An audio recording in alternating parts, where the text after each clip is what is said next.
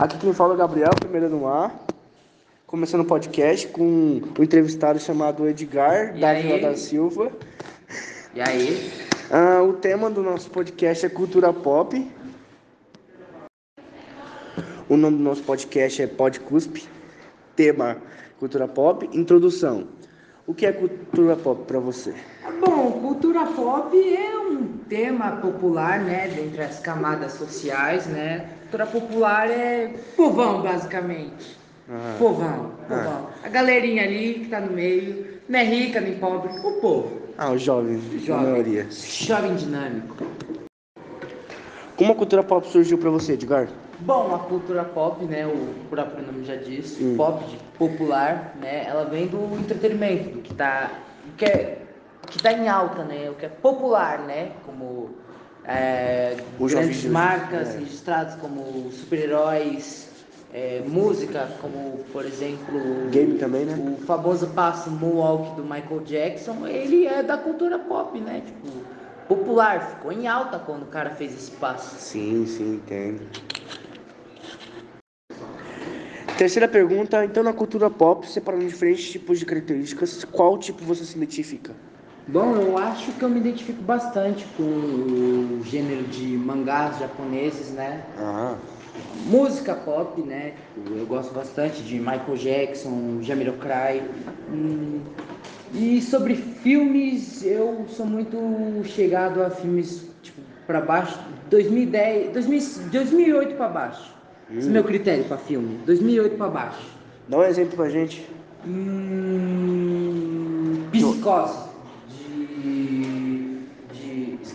Esqueci o nome do diretor. Caralho, porra! Gosto bastante do filme Psicose, né? De Alfred Hitchcock. Né, um ótimo filme de suspense e tal. Tem até uma série que, que eles fizeram pra explicar uns negócios do filme, se chama é, Bates Motel.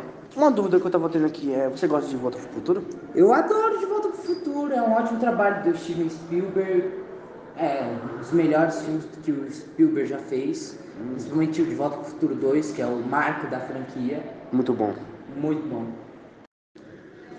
Quais nomes da cultura pop você acompanha ou conhece o trabalho deles? Bom, eu gosto bastante do Fred Mercury. Eu gosto bastante da. de. É... Bom, eu gosto bastante do Fred Mercury, é, David Bowie. Hum, que mais da ala da música eu gosto bastante? Eu gosto bastante da Pitty, né? Cantora brasileira. Hum, Na área da leitura, eu gosto bastante da Mary Shelley, que ela é a escritora de Frankenstein. É, Hirohiko Araki, que é o autor de JoJo's Bizarre Adventure.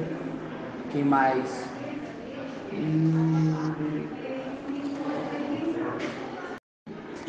como a cultura pop se apresenta nos jovens de hoje?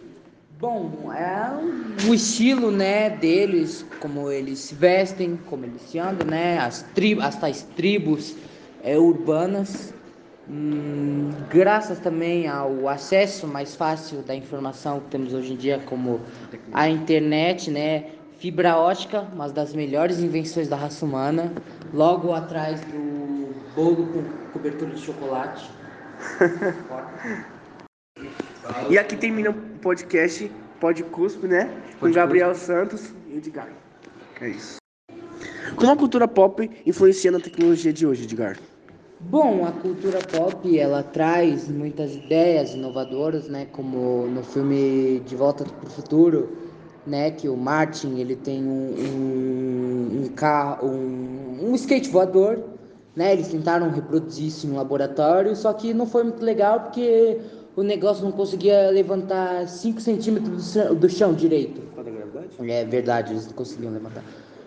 Também tem um grande exemplo disso, que é o filme é, Perdido em Marte, Nossa, muito bom. né? É muito bom. Que eles têm uma nave que a espaçonave que leva eles pra, pra Marte, né? Que se eu não me engano o nome da espaçonave é Hermes. Ela, ela consegue gerar o, o próprio centro de gravidade. Tipo, você consegue andar pela nave sem, sem nada, tipo, você consegue andar normalmente nela.